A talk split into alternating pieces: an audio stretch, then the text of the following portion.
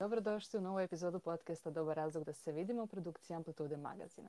Cilj nam da okupimo sve one koji se bave kulturom, estetikom i konzumerizmom u granicama održivosti, a današnji jako dobar razlog da se vidimo sa Marinom Marjanović i da porazgovaramo o slavenskoj jogi za žene i slavenskom horoskopu roda.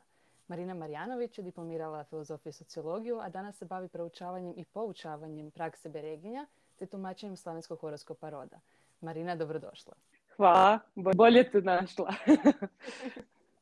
E, pa evo za početak, što su uopće bereginje, čemu i kome su namijenjene i zašto su važne zapravo za žene? Bereginje su zapravo, onako barem kako ih ja svačam, to su u stvari energije. Znači energije koje strukturiraju ovaj naš svijet, tako da možemo ih zvati na taj način i inače koristim više termina zapravo za, za jedno te isto odnosno ako se radi o slavenskoj jogi za žene, onda koristim riječ bereginje, ako se radi o horoskopu, onda koristim riječ arhetipovi ili ovako u općenitom smislu onda kažem da su to energije. S obzirom da je sve energija, to je odmah automatski odgovor zašto su bitne.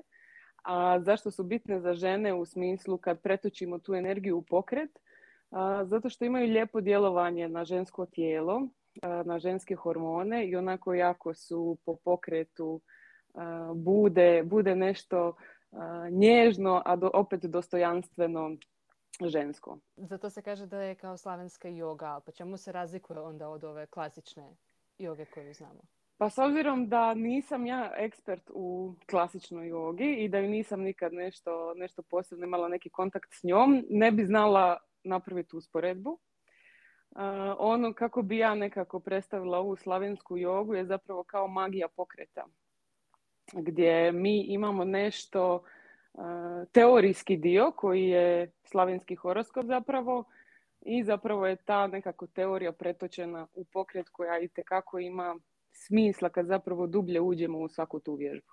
Znači isto je zapravo riječ o toj nekoj povezanosti duha i tijela. Da, da, da, upravo to. Da. Kontrola jedno kroz kontrolu drugog i slično.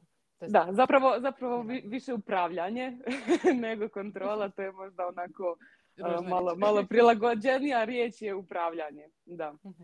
Zapravo upravljanje, osjećanje i onako uopće upoznavanje sebe kroz te energije, upoznavanje svog tijela i E, to je, to je otprilike e, neka, neka poanta. A kako se postaje bereginjom? Zapravo je svaka žena na neki način bereginja. Konkretno ja onako pod bereginjama mislim žene koje vježbaju bereginje. E, osim tog što su to, što su to energije. Kako se postaje instruktoricom zapravo kroz edukaciju. Znači postoje, ja sam osobno imala tri učiteljice to je bila prvo Maja Dobrila Vukša, ona je prva otišla u Rusiju i donijela ovdje sjeme tog znanja kod nas. Nakon tog sam onda uspostavila direktan kontakt sa e, ruskinjom Ksenijom Silajevom i kod nje završila obuku. Isto tako bila sam i kod naše latice. E, tako da sam nekako sa tri strane vidjela e, kako žene prenose te bereginje. I moj način je onda malo tu još drugačiji jer sam tu ukomponirala još neka svoja ranija iskustva iz body tehnike i karmičke dijagnostike, tako da nekako opet na svoj drugačiji način prenosim to dalje. Što je tebe potaknulo da se uopće kreneš baviti bereginjama i je li možda studij filozofije i sociologije imao ikakve veze s tim, s obzirom da evo ja sam kolegica po struci sociologije pa me baš zanima onda. Mislim da nema onako na prvu, sad ovako, mislim da nema veze jedno s drugim. Nekako filozofija i sociologija su u početku sam mislila onako, a nema možda baš neke, neke koristi od tog faksa što sam završila s obzirom da se ne bavim dalje tim. Međutim, eh, onda sam zapravo vidjela da je u svakodnevnom životu sociologija i filozofija su nekako utkane utkane i u moj rad i u moje razmišljanje, tako da su mi, pogotovo filozofija mi je dala jednu onako um, dobru podlogu za bilo kakav daljni rad. Kako sam došla do, do Bereginja i kako sam htjela postati Bereginja, uh, vidjela sam jedan članak na jednoj stranici, Slavorum, gdje je pisalo onako nešto u smislu kao pusti jogu, slavinske žene vježbaju beregidje. I tu sam vidjela samo slike onako pozatih i to mi je bilo ono wow, međutim u to vrijeme nije bilo, to je bilo možda prije nekih tri godine, nije bilo ništa za googlat, nije bilo ništa za, za pronaći oko toga. I onda sam mislila, ok, jednog dana ću se spremiti put Rusije i tamo naći neku ženu koja će me obučiti oko toga. E, jer ne, nešto me privuklo. Znači, ono, baš su bile karakteristične, karakteristične te poze, e, jako ženstvene, opet jako moćne. I očito je samo trebalo da pošaljem namjeru da, da to želim i pojavila se Maja Dobrila Vukša koja je donijela e, prva bereginje i onda sam kod nje završila prvo online tečaj pa poslije i uživo i zapravo prvi taj pokret koji sam napravila rukama koji je najkarakterističniji za Bereginija, to je da se kreće nazad od nadubražnji žlijezda i ide se kroz, kroz srce zapravo i onda imamo sad različito, nastavljamo dalje pokret. Kad sam to napravila i taj dodir uh, same sa sobom, zapravo svojim rukama kad sam dodirnula tijelo mi je bilo onako baš je nešto, nešto lijepo prošlo kroz mene što mi je bilo onako jasan znak to bi moglo biti to. Tako da sam onda, onda dalje, dalje nastavila onako tražiti. Otišla kod Ksenije, onda nekako kad sam došla do tog znanja počela sam ga, nisam odmah ja na prvu onako vjerovala u sve to, nego sam morala nekako ispitati onako tipično, onako ko pravi filozof idem ja to dokazat. E, tako da sam se onda poslužila ovim nekim svojim ranim iskustvima i znanjima i zapravo kroz to e, provjerila Bereginje i skužila da, da one stvarno imaju i kakvog smisla. I, I ne znam, nekako mi je to baš sjelo, nekako imam osjećaj da, sam, da je to ono što, što trebam raditi. E, da mi skroz leži što se tiče mog tijela i mog izgleda i nekako onog što želim. Tako da baš, mi baš, baš su mi lijepo, lijepo došle kad su trebale. Pa baš mi je drago zbog toga. A kako je to onda utjecalo na tvoj život?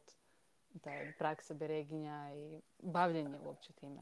Otvorila mi je skroz novi, novi put zapravo, zato što dugo sam, se, dugo sam se tražila koje je to moje zanimanje, koje, čim ću se uopće baviti u životu, onako završila sam puno toga, iz, osim sociologije i filozofije jako sam bila zagrižena za dizajn interijera i za arhitekturu. ali nekako nije išlo u tom smjeru. I koliko god da sam se ja trudila i htjela krenuti u taj smjer, nekako nije išlo. I zapravo i sam sad ukomponirala i to nešto kroz crtanje simbola, zapravo ispunjavam i tu neku svoju želju za, za crtanjem.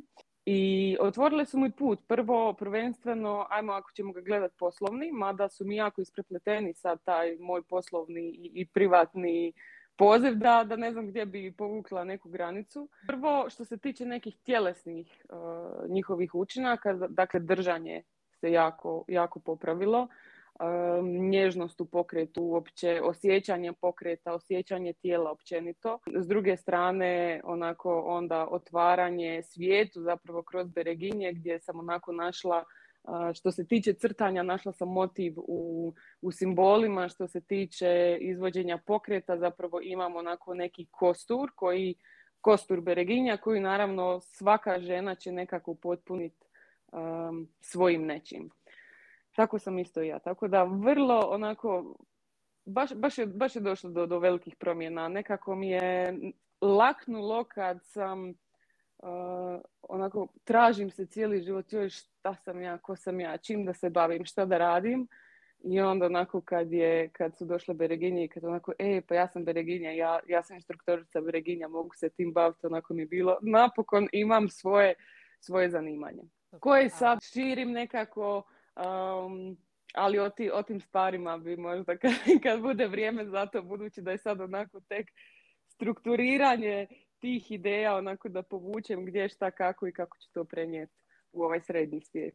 Je da, nekad ideje treba malo odstajati, onako ko vino. Budući da sam ja baš iz kruga ideja, četvrti krug, prema Bereginjama je to krug ideja, inicijativa i tako dalje um, nekako onako znam se uhvatiti u, u, puno, puno ideja koje mogu nekad biti fiks ideje, tako da moram prilično onako malo pričekat nekad, jer zbog uzbuđenja znam onako svašta, svašta ispričat, ali da, moram, moram se nekako učiti toj, toj strpljivosti, onako čuvanju zapravo nekog plana, pa onda kad se dovrši, onda ga iznijet van. A kako tumačiš sad e, trend povratka zapravo beriginjama? Jer dosta žena se bavi, barem koliko sam primijetila ono, po Instagramu slično, ima ih dosta i sve, sve veća je ta zajednica zapravo.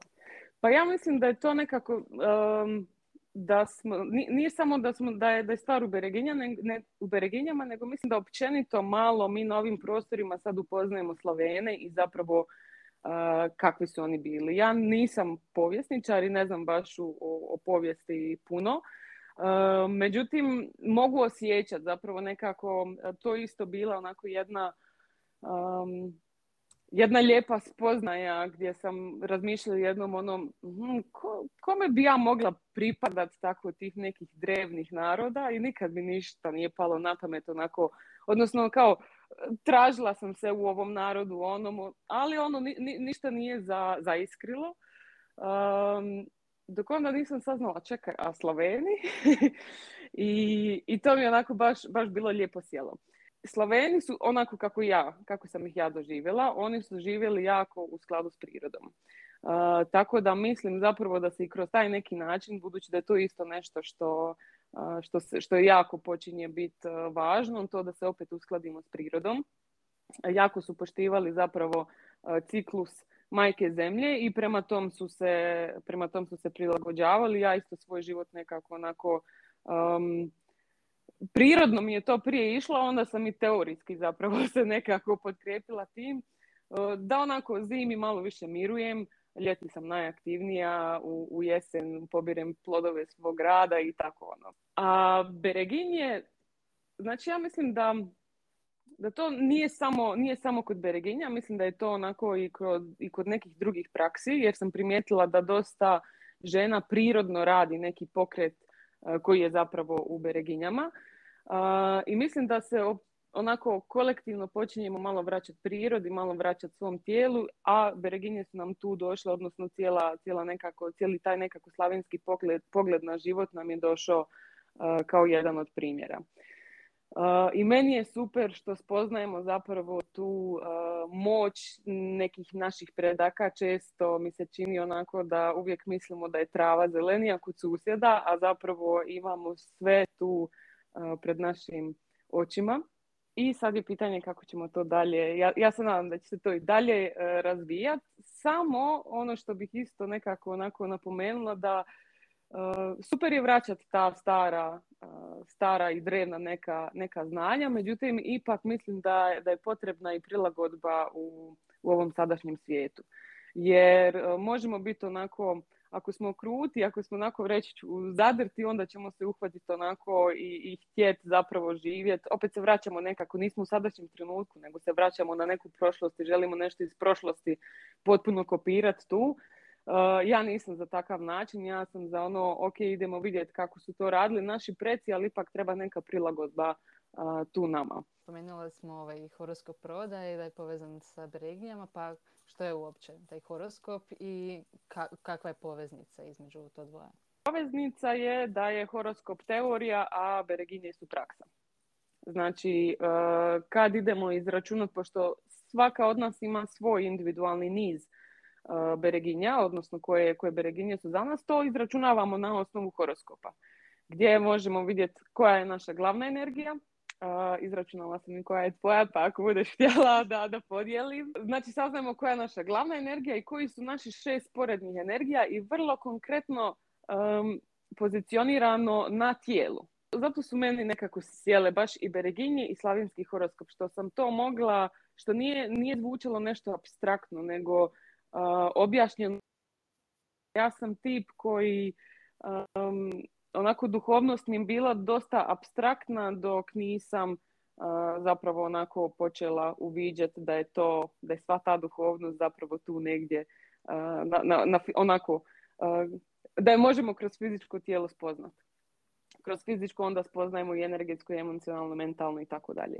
Slavenski horoskop, dakle, uglavnom je pitanje kako usporediti ga sa ovim klasičnim horoskopom, odnosno zapadnjačkim, odmah da tu kažem, onako, opet bi tu trebao neko uh, se pozabaviti tim ko zapravo poznaje oba horoskopa. Ja ne poznajem uh, toliko dobro zapadnjački, znam ono neke, neke osnove, ali, ali onako, malo mi je bilo uh, teško zapravo savladati aha, kuće, planeti, ono, malo mi je preabstraktno, malo mi je nekako previše gore za mene. Divim se ljudima koji, su to, koji to imaju u malom prstu.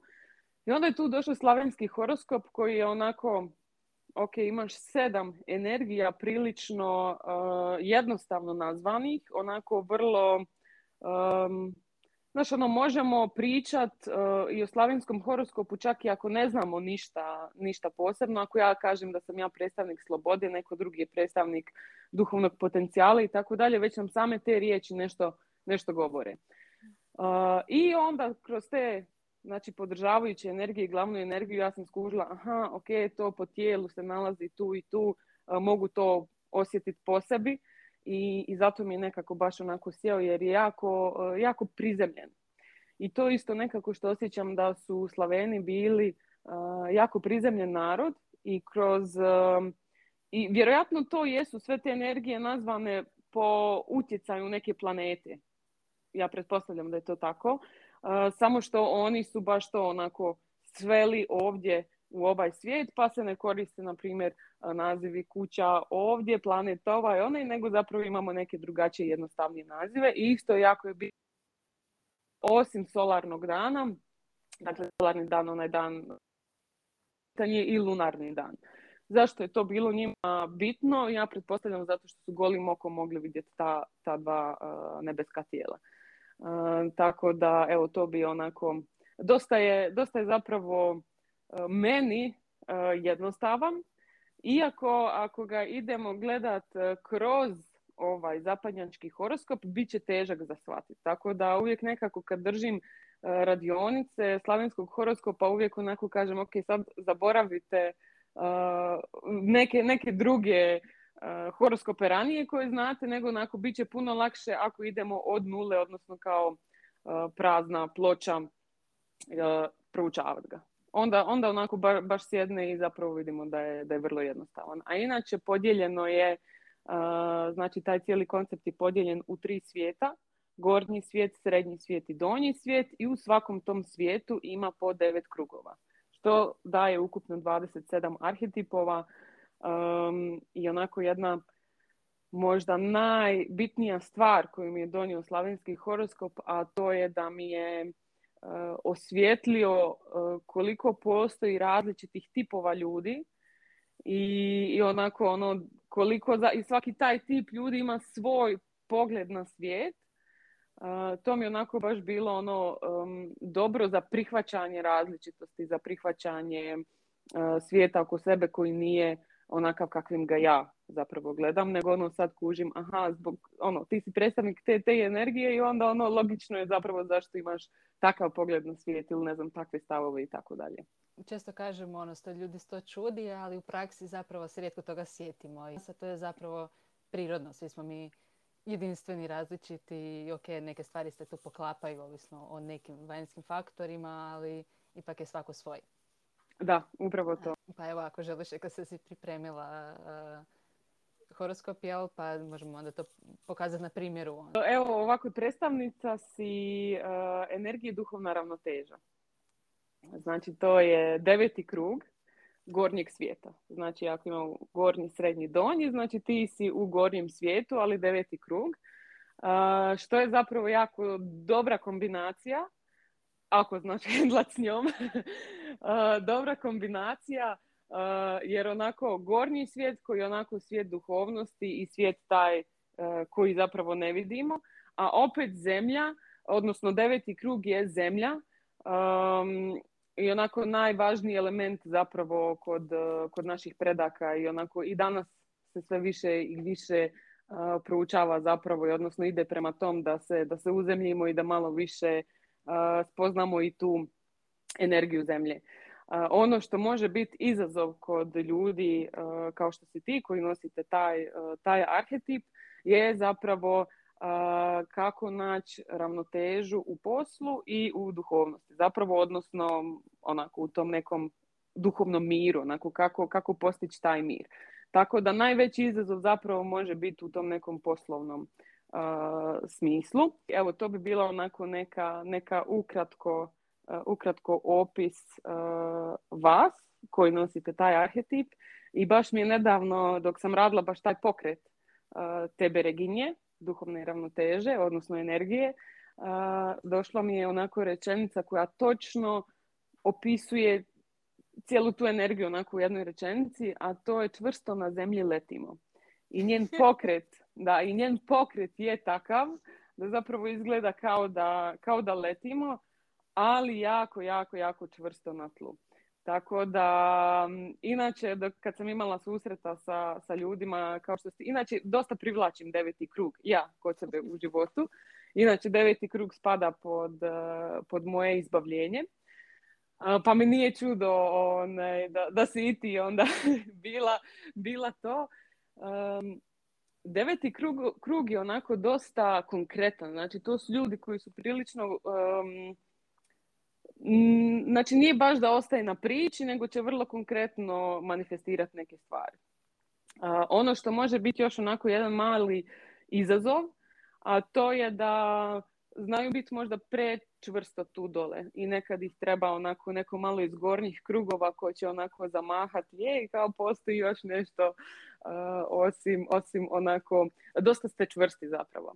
I taj deveti krug je krug koji hrani sve ostale krugove. Eh, e sad, da ne bi bilo onako da je deveti krug najbitniji ikad, znači svaki, svaki od krugova ima svoju, svoju neku ulogu, ehm, I zapravo ne znamo odakle smo počeli. Znači, ne mora znači da smo počeli od prvog kruga pa idemo u devetom, možda smo, ne znam, u nekim životima prije bili, ne znam, onako možda, možda nas je ubacilo, e sad ideš odmah u srednji krug ili nešto, znači nema, odnosno ja ne znam u kojim to redoslijedom ide i sumnjam da, da će ona iko ikad saznat. tako da, evo, deveti krug je tako baš, ono, ja, jako sam vezana zapravo za deveti krug. Šta bi još bilo važno za reći za deveti krug, ali ono, uglavnom zemlja, obilje, stvari, na primjer, kod e, muškaraca koji su u devetom krugu, onako može biti mrvicu, e, neću reći otežano, ali onako malo izazovnije zapravo doći kroz, e, do obilja kroz život. Ali ako uspije onako naći neki balans, postiće to. ali onako tu vrijedi ono naradit će se pa će imat. Dok kod žena iz devetog kruga lakše ide to privlačenje obilja. One, I evo, to je onako još neka, neka zanimljivost devetog kruga. Devetog kruga općenito, znači nebitno sad u kojem je, u kojem je svijetu. Super, hvala ti, puno je bilo jako zanimljivo za čut. A moram reći da mislim da bi se i moji vratni roditelji, i profesori i partner složili s tobom po nekim pitanjima ovo za istovremenu i tvrdoglavost, a s druge strane to u nebesima nisam jednom čula to da, da, ne stojim baš sa dvije noge na zemlji, nego idem po svojim ti nekim idejama, ali na neku foru se realiziraju, tako da idem dalje. da, da. Zapravo onako najbitnija stvar, znači ne prikloniti se toliko možda konkretno poslu, radu, djelovanju, znači da ne bi to prevagnulo i zapravo onda narušilo tu, duhovnu ravnotežu. Tako da uvijek onako mora biti taj neki balans. Ono što E, zapravo što olakšava taj izazov. Znači, e, kod duhovne ravnoteže najveći izazov je umjeće djelovanja, odnosno uspjeh na poslu, možemo to drugačije zvat, a e, izbavljenje toj, toj energiji je energetska zaštita. Znači, energetska zaštita je zapravo energija onako baš uzemljenja. Znači, dokle god radite dobro na uzemljenju, tu će dolazi do tog balansa, a vama je taj balans E, najbitnija stvar. Znači, ne mora se zvati, ta, ta, energija se ne mora zapravo zvati duhovna ravnoteža, može se zvati samo ravnoteža. E, I baš zato, baš je ravnoteža zato što je gornji svijet, a opet deveti krug. Znači, skroz dvije, dvije onako suprotnosti. Primijetila sam da si se u zadnje vrijeme počela baviti kakaom, kao ritualom ispijanja i slično. Pa me zanima što misliš općenito o tom trendu koji vidimo zapravo u tom nekom neošamanizmu, ne znam kako bi nazvala to, i općenito ovako među jel, ljudima primjećujem da ovako žene uzimaju toga od neki ritual jutarnji ili večernji ili nešto. Pa mi možeš reći više o tome. Može, vrlo rado. ja sam za kakao čula već i, prije par godina, ali nikako onako nisam nešto posebno se zakačila za to. znala sam onako i onako da ako hoću mogu ga i nabaviti, ali ono jednostavno nije, nije išlo u tom smjeru. I moja prva kakao ceremonija eh, je bila na ADA festivalu u Crnoj Gori ovo ljeto, što je bilo onako blago rečeno čarobno. Eh, I to je drugačije, na primjer, kad su u pitanju velike ceremonije i onako je puno ljudi u krugu, to, to ima neku, neku svoju eh, dozu ljepote. I tu sam doživjela zapravo prvi onako kontakt sa kakaom i nastavila sam ga dalje kako je tamo e, Jenny od koje, e, s kojoj sam u suradnji e, vezano za kakao. Od nje sam uzela kakao i krenula ga piti doma. I zapravo onako ja sam, ja dosta sam išla ga proučavati šta prvo radi fizičkom tijelu. I veliki je čistač zapravo. Osjećaj kao kad ga popijem kao da je ušla neka kugla u, u mene i, i sakuplja toksine koje onda koji idu van. sa duhovne neke strane e, jako lijepo otvara e, srce. E, što bi ja opet nekako povezala, pa normalno kad je, kad je, kad je sakupljen zapravo otpad, onda ima više prostora za, za neku onako lagodnost i ljepotu. I zapravo on je tu, on će biti onoliko čaroban koliko ga mi učinimo čarobnim. Dakle, na neki način kao, kao neka, neka vrsta medija. Dakle, ako mi ga gledamo na način aha, to je kao samo obični napitak kakao, ok, on će biti samo obični napitak kakao. Ako u njega dodamo svoju vlastitu čaroliju, onda ćemo i osjetiti tu vlastitu čaroliju. A s druge strane, opet volim, volim gorko, i zbog toga ga najviše pijem. Volim i taj energetski onako um, poticaj. s tim da sam isto zato da se povremeno napravi pauza oko toga jer onako znam da gledam nam tako na sve, ne samo na, na kakao, uh, da bilo što što uzimamo dosta često uh, u životu treba ponekad napraviti pauzu za tijelo, čisto da onako, onako kao i ne znam, možemo to reći da je to izlaz iz komfort zone ili onako um, malo da tijelo odmori od, uh, od neke substance. Um, tako da, evo, ja bi nekako tu ne, ne bi davala neka prevelika m, mm, savjetovanja ili nešto, nego mm, za nekog će biti, aha, obična, obična topla čokolada, a za nekog će biti nešto, nešto vrlo čarobno. Tako da, evo, na, na svakom je da vidi jel se može zapravo povezati sa energijom kakao, meni jako, meni jako sjeda i onako, ono, E, baš se, baš se lijepo osjećam da ga pijem i ono što, ne, i ne samo da ga pijem, važna je ta priprema. Na njega baš sa, onim, sa onom velikom uh, sjeckam, ne znam, satara ili kako, kako se to već zove. Zašto? Zato da sam što prisutnija zapravo dok to radim.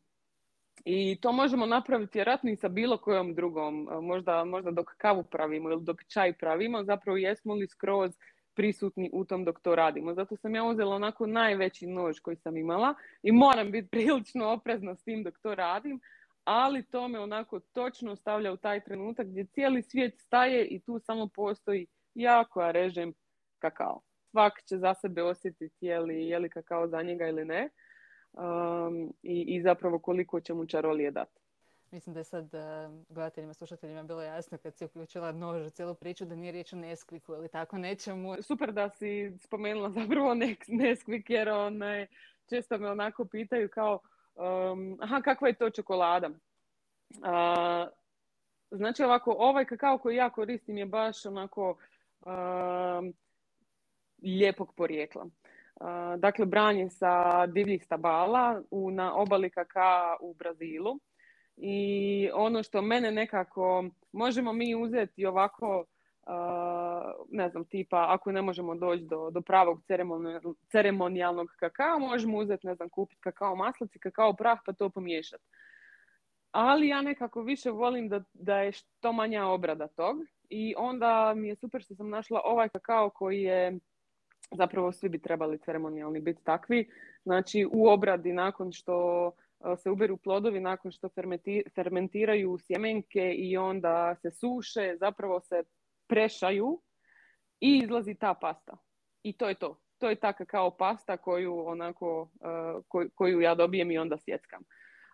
Daljna neka obrada u komercionalne svrhe bi bila zapravo da se izvadi maslac i, odnos, i e, prah meni je nekako ljepše onako da je što manje tu potom prčkano i baratano, tako da zato, zato koristim baš, baš ovaj kakao.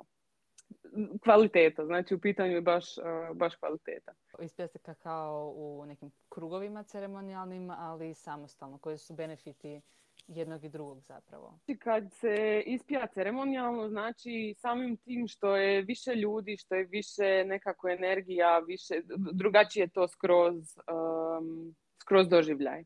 Jer sama onako, sami ljudi kad se poredaju u krug, tu se onako stvara opet novo bio polje svih njih koje uh, bude jako. I onda osjetimo zapravo utjecaj tog cjelokupnog biopolja. Uh, dok s druge strane, kad ga pijemo uh, samostalno, onda više, više smo onako, ja bih rekla da smo više povezani sa sobom i onako kao, ajmo, ajmo, ajmo to ovako, znači introvertno i ekstrovertno. Znači bitno je jedno i drugo zapravo, tako da bi ja svakako onako um, preporučila zapravo ako osjetite da trebate otići na neku uh, kakao ceremoniju i naravno i ovisi kod koga, um, ne bi trebalo tu biti forsiranja ha sad moramo otići tamo i tamo, nego doći će prilika kad će se to stvoriti. Uh, primjerice, ja nisam ni znala da će na tom festivalu biti ikakva kakao ceremonija i drago mi je da, da nisam ni znala i da sam bila onako potpuno Um, prepuštena tom. I ono što sam napravila zbog još boljeg djelovanja kakao je to da sam taj dan uh, postila, odnosno nisam, ništa jela do, uh, do I onda ima još onako jači, utjecaj. A ovako sad ga pijem uh, svako jutro sama sa sobom zato što mi jednostavno um, daje mi onako jedan lijepi razlog za buđenje, budući da mi je to onako uvijek ono, da sam onako spavalica i ono nikad ne bi izašla iz kreveta i onda onako ono, a, idem usta, čeka me kakao, čeka me onako odmah u početku dana e, doza prisutnosti.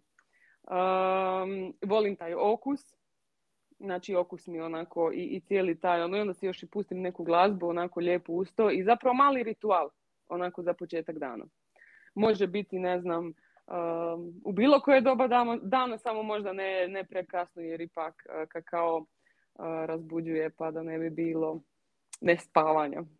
Osim ako to nije namjera. Pa mislim, to je općenito jako dobra ideja uzeti si ujutro tih prvih nekih 15 minuta, pola sata, sat vremena, koliko god za nekak rekalibrirati se i svijeta snova i pripremiti za ovaj stvarni... Taj dio sam izostavila. Um, ja volim i miris kakav Znači ja prvo kad kakao uzmem, onako prvo dobro udahnem i onako osjetim da je taj miris već ušao u, u, cijelo moje tijelo i na taj nekako način se povezujem sa energijom njegovom. sam taj miris već mi već me stavlja onako uskroz, uskroz jedan drugačiji mod nego, nego inače i onda ona njegova e, kremoznost i sve ono što, što se vidi na storima onako sto puta pregledam ono taj video, a kako je ovaj kakao divan. Da, ja se izazvam se onako da volim kakao zato što ja kakao imamo istu boju. ali mislim da to nema nikakve veze, ali nema veze. I za kraj, ova epizoda će biti objavljena, to jest kada je gledaju i slušaju naši pratitelji, na prvi dan nove godine, 2022. Pa koji su tvoji neki planovi i nade za 2022. što osobno, a što za sve nas kao društvo? Jo, ja se svakoj godini nekako radujem, svakom godišnjem dobu se radujem i svako ispraćam isto tako sa, sa zadovoljstvom. Uh, znala sam da će biti neko ovako pitanje i onako baš sam razmišljala šta ono odgovor, šta kakav odgovor dati baš mi je onako ne, došlo da možda ajmo ovaj put ne, ne previše, ne previše planirat i ne previše onako ja imam neke ideje i onako neke zamisli kakva bi mogla biti ta 2022. Ali nemam potpuno konkretan plan i to mi daje zapravo radost da vidim šta će se, šta će se onako izroditi samo od sebe. Jer ono što sam primijetila, barem kod sebe, ne znam je li tako kod drugih ljudi, um, super je oko nekih stvari imati potpuno istrtano sve i planski kako bi nešto trebalo biti, ali nekad ako pustim da to ide onako, ok, ja sam tu, upravljam nekim stvarima, ali ajde idem pustiti malo da to ide bez plana, dođu puno bolje stvari nego kako bih ja planirala. Tako mhm. da i za 2022. imam neke smjernice onako šta bih htjela, ali zapravo prepustit ću se pa ću vidjeti. Isto tako uzet ću si do nove godine, znači onako kad je ono najjača zima i onako kad, kad se baš povučem u sebe, da, da vidim zapravo mm, zapravo da malo opustim oko svega. Znači, e, ne planiram isplanirati cijelu godinu u, u tom periodu, nego onako prvo da vidim šta je ostalo od stare, šta mi treba od stare, šta mi ne treba. I onako možda malo se, malo se baš opustiti oko svega toga i zapravo vidjeti šta će se, šta će se samo izroditi. To je, ne znam, evo, to bi možda bila onako neka, neka poruka, ali prije plana o, nečem drugom, ja sam zato da zapravo možda malo uh, sagledamo šta to već imamo i sa tim šta imamo, šta s tim možemo. Sva sam opisala energiju uh, samoodrživosti, odnosno energija devetog kruga donjeg svijeta koja je zapravo onako kaže da sve što nam je potrebno već imamo u sebi uh, i nekako osjećam onako da, um, da, da, sam došla ja osobno do nekog zasićenja, do primanja novih informacija, uh, nego trebam stati, ok, vidjeti koje, šta to sve imam, bilo od informacija, bilo od ne znam, nekih stvari za koje se držim, a trebala bi zapravo pustiti, bilo šta.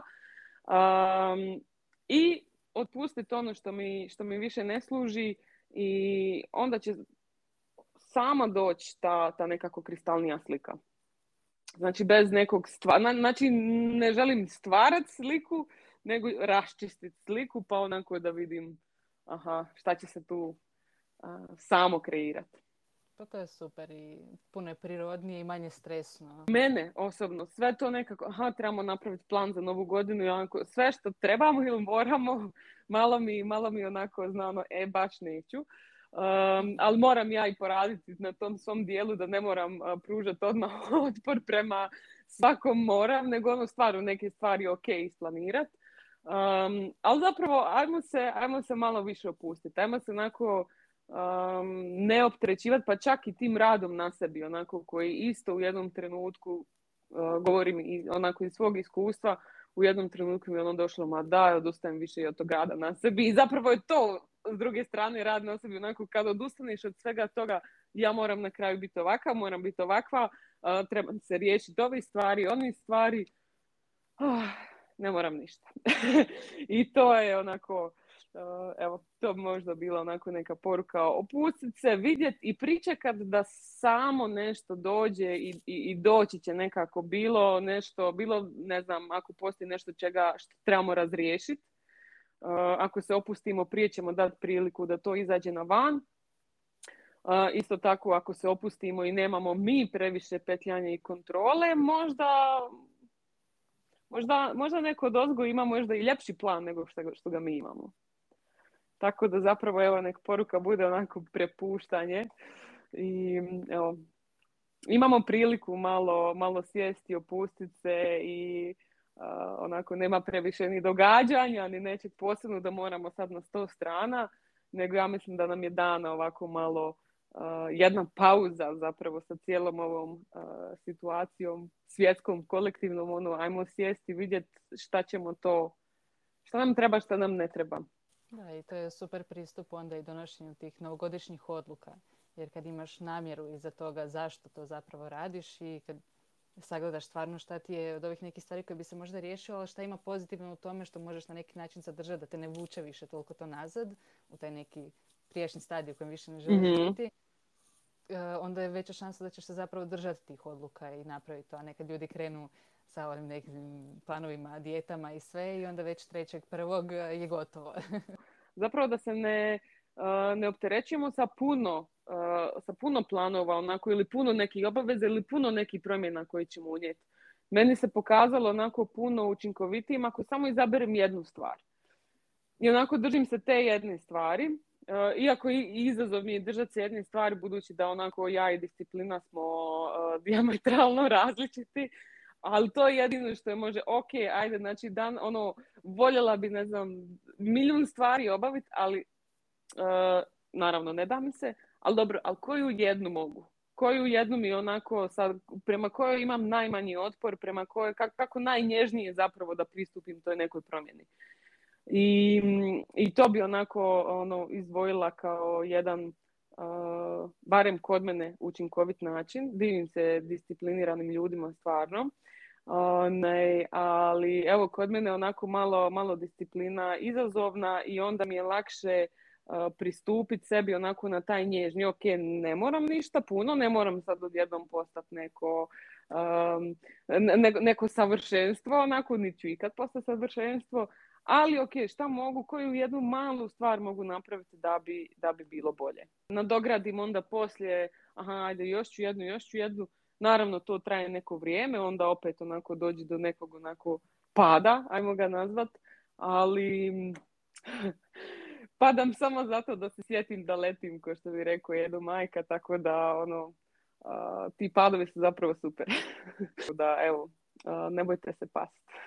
Pa da, nekad ne znaš e, hoće li neka kao grozna stvar koja ti se desila, neka prilika koja ti se onemogućila, vrata koja su se zatvorila, zapravo pokazati neki drugi to neku drugu mogućnost koja ti prije nije pala na pamet jer si previše bio fokusiran na ovo čeg sad više nema uopće u slici pa si onda vidio da pokraj toga ljepše, puno veće i ispunjenije zapravo. Upravo to. Evo, sve, sve si rekla. Za kraj gdje te naši pratitelji mogu pronaći e, tvoj rad i to čime se baviš? Uh, pa najviše na Instagramu ovako na nekim drugim društvenim mrežama nisam toliko aktivna. Imam i Face, ali sve što objavim na Instagramu samo se preslika na Face. Um, I onako, možda znam da bi trebalo poraditi možda na malo više sadržaja ili nečega, ali jednostavno onako nemam, nemam preveliku zapravo potrebu um, puno nečeg dijeljenja, onako kao kako to ide školski, onako da bi bio na Instagramu vidjen, moraš toliko, toliko, toliko i toga. Um, tako da, evo, ukratko, mogu me naći na Instagramu dok jednog dana ne bude imala i neke druge uh, izvore. Um, i mogu se javiti za bilo šta, pitati za bilo šta, znači, e, jer ja onako nekad previdim šta bi ljudi možda htjeli, uh, htjeli znati, vidjeti vidim da na kakao zapravo najviše reagiraju od svega i od slavenskog horoskopa i od bereginja i svega uvijek je kakao nekako najviše pažnje uzme. tako da evo, slobodno nek se, nek se jave ili, ili na mail ili na Instagram, ali zapravo ako dođu na Instagram onda sve tamo dalje imaju.